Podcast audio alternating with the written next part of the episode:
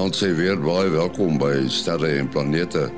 Ons gaan onder andere gesels met Stefan Lots van Sansa en hy praat oor die gedrag van die son en ook so 'n bietjie meer inligting oor wat se verskil tussen 'n sonvlek en 'n 'n sogenaamde fakkel.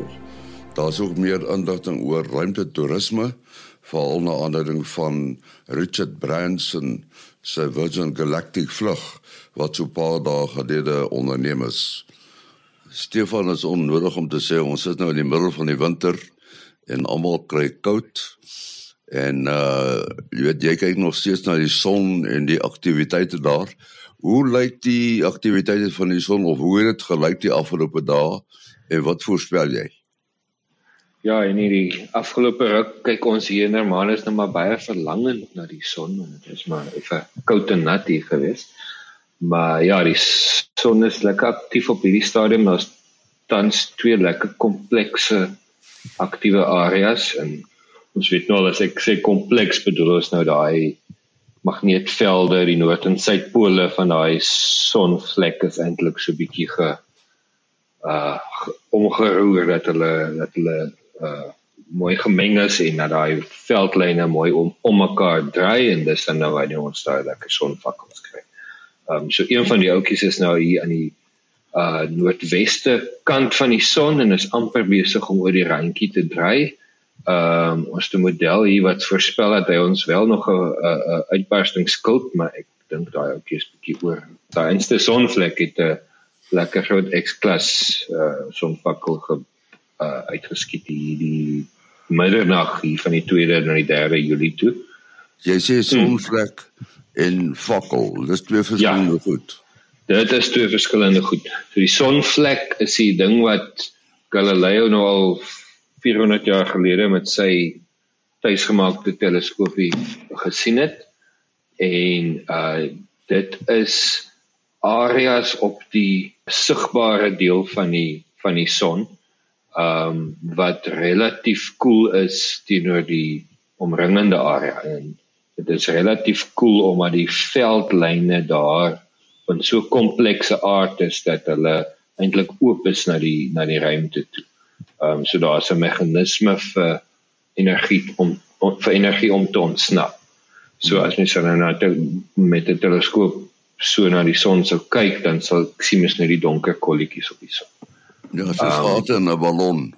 So gate in 'n ballon en dan presies en dan ontsnap hierdie plasma en honderde jare gelede die ouens dit nou begin begin tel en begin rekord hou daarvan en iemand het nou met die tyd agtergekom dat hierdie vuilkolle op die son het een of ander korrelasie met ehm um, noorderligte en dis nou waar die hele ruimtefisika as as 'n uh, eh, navorsingsskop eintlik begin het.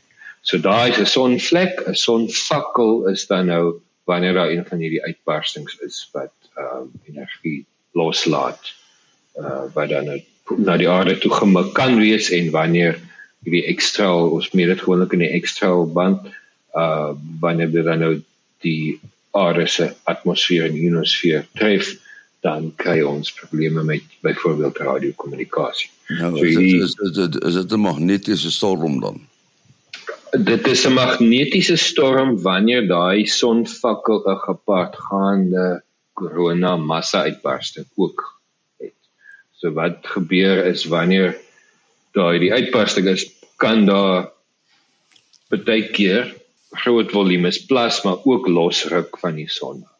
En wanneer daai groot volume plasma die aarde se magneetveld tref, dan kry ons wat ons noem 'n geomagnetiese storm.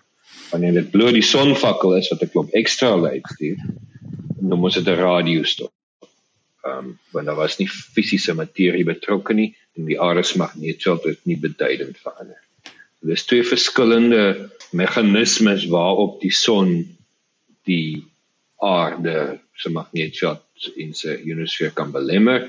Ehm um, maar dis twee in in 'n kom dis kan afkomstig wees van presies dieselfde uh sonvlek af maar die meganismes is heel verskillend en die en die uh effek daarvan is heel verskillend. Nou goed, hoe lyk dit verder? So, verder, ehm um, behalwe die ouetjie wat nou 'n lekker X-klas fakkel losgeruk het en 'n bietjie probleme veroorsaak het in die Amerikaanse sektor vir vir hoë frekwensie radio. Ehm um, is die tweede enetjie waarvan ek gepraat het. Dit gehad twee lekker komplekse aktiewe areas. Ehm um, hy is nou besig om so te skuif dat hy na die aarde toe mik. Onthou die son draai ook om sy eie as.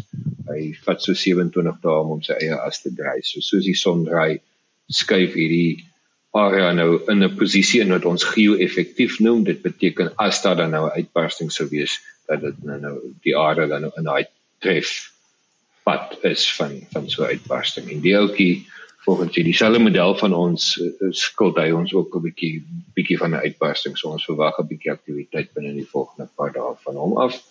Um andersins lyk dit redelik stil maar ja, soos ek sê, die son draai dan sy eie is, ons is nie seker wat kom om daai reintjie. Goed, uh, wat die die Virgin Galactic wat 'n uh, paar dae gelede gelanseer is.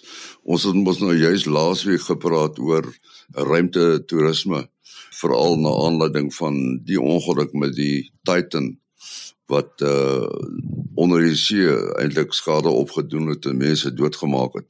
En dit het ons gesê dat dat in die ruimte moet daar voldoende beskerming wees vir mense om teen die ruimte elemente beskerm te word. Maar nou goed, nou het Richard Branson het nou sy eerste noem dit maar 'n ruimte toerisme projek van stapel laat loop. Het jy dit gevolg? Ek het so hier op die sterkant ingekom. Ehm um, so want uh, uh, dit begin nou ook al amper amper ehm um, 'n uh, uh, rotine raak. Ja, so ons het ons het nou al vir vir Blue Origin gehad en en nou ook vir Virgin Galactic en en dan ook ehm um, natuurlik SpaceX wat nou al lank in die ruimte uh ehm uh, toeriste kan saamvat. Richard Branson het al iets soos 800 kaartjies verkoop nog voordat hy 'n vlug gehad het en hulle kos so net so onder 'n half miljoen dollar per per per rit. En dan die die die ergste is dat dit is nog nou nie baie ver wat jy gaan nie. Ehm um, dis die die sogenaamde wat hulle noem suborbital uh vlugte. So jy gaan eintlik half reguit op ehm um, en gaan draai so uh, net so oor 100 km bo kan die die oppervlak en dit is ehm um, wat hulle baie maal praat van the edge of space en ehm um, ek weet die eerste die eerste Blue Origin vlugte het nie eintlik nie noodwendig regtig hoog genoeg gegaan om om om om eers heeltemal te kwalifiseer nie maar nou ja mens mens wil nou nie 'n goeie 'n goeie storie bederf met feite seker nie nee. die ouens glo hulle is almal hulle is almal die die astronaut badge nou nou verdien. Ehm um, ja so ehm uh, um, 90 minute vir hierdie half net so onder half miljoen dollar um, 'n rit en jy kan dan ook sê jy is jy is een van die mense wat wat in die in die ruimte was. Hulle hulle gaan natuurlik omdat hulle uh, terugval is hulle natuurlik gewigloos vir 'n vir 'n klompie minute. So jy jy soos jy kan daar rond um, rond swerf rond wat jy mooi Afrikaans vir float jy kan jy kan dryf daar in die in die kapsule en en dan moet jy nou weer dan moet jy nou weer jou veiligheidsgordels vasmaak of in jou sitplek uh, uh inneem soos wat jy weer terugval en die atmosfeer dikker en dikker word. Ja. So dis is 'n heeltemal 'n nuwe soos wat um, Jim O'Glasweek gesê het 'n nuwe 'n nuwe era eintlik baie belangstelling in die in die ruimte en en dit raak al hoe meer bekostigbaar. Nou ja, nou nie nou nie almal het so 'n dak checkbook nie, maar die die die goed raak raak al meer en meer moontlik en dit dit dit verstom my altyd as 'n mens nou dink die die die die Wright brothers ek het nou nie eers 'n ek weet nie of julle weet wat was die datum nie was dit net net in die vroeë 1900s wat hulle die eerste entjie gevlieg het en en uh, uh en dat ons deesdae sulke goeders kan doen wat dit uh, dan verstom dit jou eintlik net hoe die uh hoe die hoe die ruimte en dan ook die die vlug en vlieg um tegnologie ontwikkel het met met met die jare saam. Ons het hier 'n brief gekry van Herman Toren. Jy sal hom onthou, hy het altyd die nuusbulletins vir ons geskryf.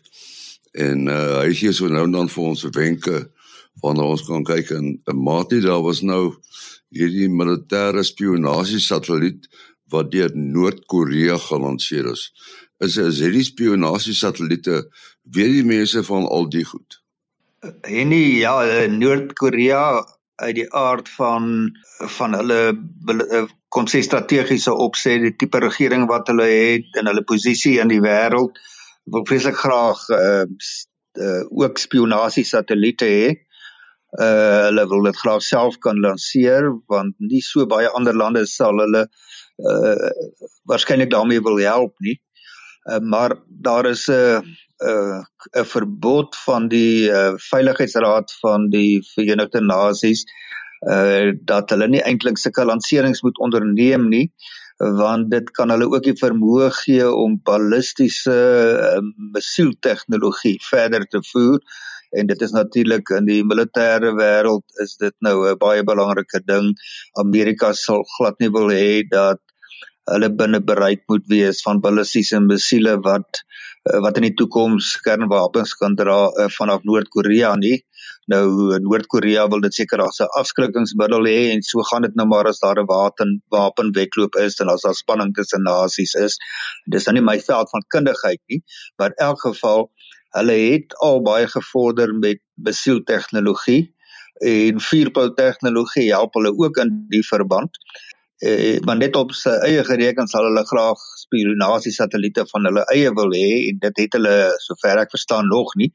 En hulle het nou ehm um, in in die laaste week eh uh, het hulle 'n satelliet probeer hulle eerste spionasie satelliet probeer eh uh, lanseer en dit het toe nie uh, voorspoedig verloop nie. Dit het in die see geval. Hulle het van die uh, brokstukke van die uh, uh vuurpyl so 'n silinderiese stuk metaal uit die see uit opgepik ongeveer 200 km uh, vanaf die uh, vanaf die uh, kuslyn. Uh so dit maar die die lansering het blykbaar van die begin af nie goed uh, verloop nie. So hulle is nou baie gretig om so gou as moontlik nog 'n lansering te hê. Hulle wil natuurlik ook prestige behou. So in elk geval Noord-Korea is 'n land wat dopgehou sal word uh om verskeie redes en hulle wil graag ook aktief in die ruimte raak uh, seker veral vir uh, spionasie doeleindes.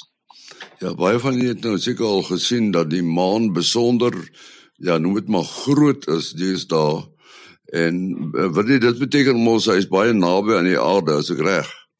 Ja, ons ons ons kom nou amper so in 'n seisoen van supermane in. Nou ja, supermaan is eintlik nou nie nie nie die regte term nie. Ek meen dit kom ons nou hier uit 'n uit 'n boek van nou Richard Knoll hierso in die die, die 76 gesterwe gelaar uh wat 'n boek geskryf het en toe het hy nou hierdie term geskep uh, uh want hy toe nou vreeslike uh, uh goeters gesê wat gaan gebeur as die maan die volmaan nou so na aan die aarde kom nou ja die maan kom elke maand so naby die aarde want sy baan is effens ellipties hy's net nie noodwendig vol nie. Maar nou ja weer eens 'n goeie storie met feite bederf hierso nie. So, so on, ons is nou in die in die in die moet nou maar die tyd van die jaar waar die maan elke volmaan ook um, op op sy naaste punt aan die aarde. So die die heel naaste volmaan is uh, is eintlik 31 Augustus. So dit is nou nog so so eentjie weg en en uh um daai maan ons kan later weer daaroor praat. Dit gaan ook die blou maan wees. Maar uh, ons kan bietjie later daaroor praat, maar die die volmaan van nou net die die 3de Julie uh, die een van 1 Augustus, so dis die eerste uh, volmaan in in Augustus uh en ook die uh, 29 September. Hulle kwalifiseer nou almal uh, volgens Richard Knoll se se baie baie arbitreëre definisie van uh van supermane dat dat hulle is nou maar net binne 'n sekere binne is is 'n sekere afstand um wat hulle van die aarde af is wanneer hulle wanneer hulle vol is. Soos jy sê dit voel eintlik vir jou of die of die maan baie helder is en baie helderder as gewoonlik en ehm um, uh die die verskil tussen tussen noem dit nou maar 'n 'n 'n supermaan 'n voorname supermaan of sy regte naam is eintlik perigeum maan wanneer die maan op sy naaste punt is uh teenoor 'n apogeum wanneer hy op sy verste is is is ehm um, dink is iets soos 12% as ek reg onthou. En en uh so die maan vertoon natuurlik dan effens groter maar die regtig enigste manier om dit te na te gaan is wanneer jy vir jou 'n foto neem van die maan ehm um, wanneer hy op sy naaste punt is en jy neem 6 maande later weer een op sy verste punt en jy sit die twee fotos te mekaar dan is dit die enigste manier om regtig te, te sien daar is dan dan 'n verskil in in grootte met die blote oog gaan jy dit nie sommer oplet nie. Maar die nog 'n interessante ding wat die afgelope dae gebeur het is dat 'n nuwe teleskoop opgestuur is, die sogenaamde Euclid teleskoop wat donker energie en donker materie moet ondersoek. Nou weet ek nie hoe ondersoek jy 'n ding wat donker is nie. Hoe, werk dit presies? Uh en ja, dit is daarom nou om vir myself 'n baie moeilike taak te gee. Dit is nou wat die Europese uh, uh Europeërs uh, onderneem het met die uh die Euclid uh, sending wat dan 'n Europese ruimteteleskoop gaan wees. Uh om die waarheid te sê, hy's gelanseer op 1 Julie uh met ander woorde so net oor 'n week gelede uh, vanaf uh, Florida met die uh, groot Falcon 2 vuurpyle. Uh dit is 'n uh, nogal 'n groterige instrument uh so 'n bietjie meer as 1 biljoen euro in koste. Uh so ek neem aan die die massa daarvan is ehm um, dalk 'n bietjie groot vir nee, dit kan nie wees nie. Ek weet nie hoekom hy nie met die Ariane vuurpyl gelanseer is nie. Hulle het tog die James Webb teleskoop met die Ariane 4 by gelanseer. Die, die ruimteteleskoop is nou gelanseer en hy gaan uh 1.5 miljoen kilometer aan die teenoorgestelde kant van die son uh, van die aarde as die son wees. Met ander woorde, dit is ook maar rondom die L2 punt. Uh maar nou nie dieselfde baan as wat die James Webb teleskoop is nie. Uh die teleskoop gaan nou baie meer gespesialiseer we, uh, wees as die James Webb teleskoop en dan spesifiek vir hierdie twee tipes waarneming die donker uh, materie en die donker energie. Nou om net by die donker materie te begin wat al 'n bietjie 'n makliker taak is as die donker energie. Donker materie ehm um, het dieselfde effek op ander materie uh by wyse van gravitasie as wat materie onderling op mekaar het. So dis nou die daardie effek van die son by die aarde in 'n baan om die son hou en die aarde wat die maan in 'n baan om die aarde hou. Dit is omdat hulle massa het. Uh Einstein sou dit nou interpreteer in sy teorie as daai hoeveelheid materie uh en energie uh, vertel die ruimte hoe om te buig en die gebuigde ruimte vertel vir die materie hoe om te beweeg. Uh by elk geval donker materie maak dit onder andere sigbaar by wyse van uh die die buiging van lig van uh ver afgeleë voorwerpe waarvan die lig verby uh konsentrasies uh, geweldige konsentrasies van uh materie en dan ook donker materie beweeg. En uit die grootte van die effek kan hulle dan sien daar moet iets wees wat nie sigbaar is nie wat bydra tot die uh buiging van die lig. Ehm uh, in, in sekere gevalle kan kan dit tot lensvorming lei dat 'n mens een meer as een uh beeld van dieselfde voorwerp sien aan weerskante van hierdie konsentrasie van van materie en donker materie. En dit kan mens bevestig deur die eienskappe van die lig te ondersoek en te sien dat presies dieselfde vingerafdrukke ten opsigte van uh verskillende golflengtes en relatiewe intensiteite daarvan. Nou die tipe waarnemings is nou al gedoen, maar in klein gedeeltes van die naghemel.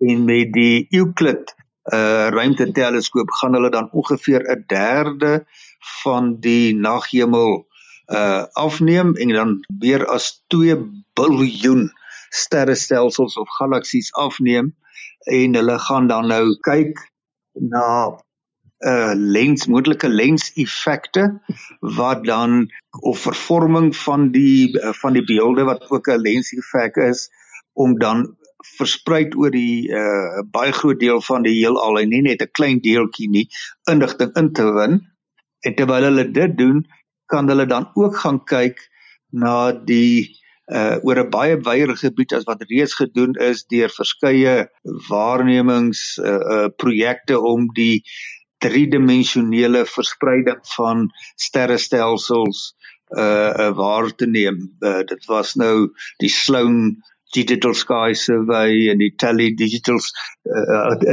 Tally uh, Sky Survey wat nou uh, al groot hoeveelheid data maar net vir selektiewe rigtings in die uh, sterrehemel uh, dit onderneem het. Nou gaan hulle dit doen oor 'n derde van die sterrehemel en dan kan hulle baie beter inligting kry oor die kom sê nou maar daardie groot leerruimtes waar jy uh, trosse en supertrosse van sterrestelsels skryf wat so amper op 'n skuimagtige struktuur. Jy kan amper dink aan 'n spon, sponsie met die soliede dele en die oop ruimtes tussenin. Gee so 'n bietjie van 'n roue analogie. En deur te hierna te gaan kyk, en ook kyk hoe die hierdie struktuur verander moontlik in verskillende rigtings en dan op verskillende afstande wat weer korreleer met verskillende fases van die heelal se geskiedenis kan hulle dan 'n uh, aanduiding kry van die uh, tempo wat die heelal uitgedui het in verskillende tydperke in die heelal se geskiedenis en ook moontlik in verskillende rigtings. Hulle verwag soort van dat rigtinge 'n groot rol uh, eintlik 'n rol behoort te speel nie want die huidige aanname is dat die heelal isotropies is met ander woorde op die groot skaal eintlik maar dieselfde in alle rigtings. Maar in elk geval hierdie sending sal nou oor die volgende paar jaar nou aansienlik meer werklike waarnemings gee waarmee hulle dan nou al die verskillende aannames en verwagtinge kan toets. Ja, en terwyl ons nou so kennis neem uh van hierdie verskillende soorte teleskope in die James Webb teenoor die Hubble teleskoop uh en dit hou nou verband met ehm um, die verskillende golflengtes waarin 'n mens moet afneem. Jy moet uh, wel eintlik oor die hele elektromagnetiese spektrum en nog deesdae ook in gravitasiegolwe probeer agterkom wat in die heelal aangaan en wat word uitgestraal wanneer sê nou maar twee neutronsterre bots en so aan. Ehm um, uh was ek nou bevoorreg om uh, so net meer as 'n week gelede uh, by 'n konferensie in Amerika te kon luister na een van die uh, visualiseringsdeskundiges van die Space Telescope Science Institute. Dit is nou van daar wat hulle die Hubble teleskoop en die James Webb teleskoop bestuur. Uh, en dit is daar wat waar Anton Kokemoer ook is uh, met wie jy nou ook al op die program gesels het. Uh, Anton Kope Kokemoer was gemoed met die Hubble diepveld en is nou ook gemoed met die uh met die uh, James Webb uh diepveld. Daar geval een van hulle kollegas, ek kan nou nie dadelik sy naam onthou nie, het nou hierdie multigolflengte waarnemings op die Stefans Quintet ehm um, geillustreer met 'n hele klomp beelde. En die Stefans Quintet was een van die eerste uh waarnemings wat deur die James Webb teleskoop ge, gedoen is. Dit is nou maar een van die noemenswaardige aanbiedings wat ek nou geëerd is of bevoorreg was as ek so kan noem om by die konferensie wat eintlik 'n planetarium konferensie is maar die planetarium uh, wêreld is nou 'n platform waar op al hierdie wonderlike visualisering van wetenskaplike data ook met die publiek gedeel kan word en En dit is nou weet vir ons in Suid-Afrika, ons is 'n uh, noemenswaardige land, maar natuurlik baie kleiner as Amerika. Uh dat ons is nou baie trots op ons drie digitale planetariums en een van die dae gaan daar 4 en nog bietjie later daarom 5 wees. In Amerika is daar meer as 3000. En uh, nou by die konferensie daar in Tennessee in Kingsport was so 'n uh, bietjie meer as 300 mense van verskillende planetariums hoofsaaklik uit Amerika daar dit was uh van al hulle verskillende streke maar internasionale besoekers was ook welkom En ehm um, ek het na die konferensie het ek vir my so adreslysie van amper 50 mense kon maak met wie ek daarom goeie interaksie kon hê en wat ek reken ons mee kan skakel om ons bietjie op 'n hoër vlak te bring en dan veral in die toekoms bietjie uitreiling van kundigheid weet uh, weet mense nou maar maak om van hulle ons besoek en van ons weer vir hulle besoek dis nou iets wat ek hoop ons sal kan uh, regkry vir Suid-Afrika dat ons ook in hierdie veld kan groei uh, en ons het baie goeie stories om van hier af te vertel by die groot sterkende projekte wat hier aan die gang is en ons sal daarom van ons ons stories ook vol koepelmateriaal moet maak wat wêreldwyd op uh, planetarium koepels gewys kan word. Ek dink dit sal 'n baie goeie uh toonvenster vir ons land ook wees en ook baie geleenthede skep vir ons wetenskaplikes veral vir die uh uh die jong klomp wat nou inkom. So dit was om net so ietsie te deel uit daardie uh daardie wêreld pragtig daar in Tennessee, baie groen, as net so aan die ander kant die Appalachian berge aan die een kant is Noord Carolina en uh so ek kon so 'n bietjie daar rond beweeg en 'n uh, groot ervaring uh daar beleef. Ja, dit is uh, inderdaad 'n uh, groot voorreg om op op uh, op so 'n manier kennis te maak met 'n land en dan ook interessante mense te ontmoet. Maar dit terwyl jy aan die gang is, jou besonderhede? Uh ja, selfoonnommer vir vir WhatsApp boodskappe veral 0836257154. 0836257154. En dan wil jy is 'n 0724579208. 0724579208. En onthou die program se e-posadres is sterreplanete@gmail.com. Ons is volgende week terug. Tot dan, alles van die beste.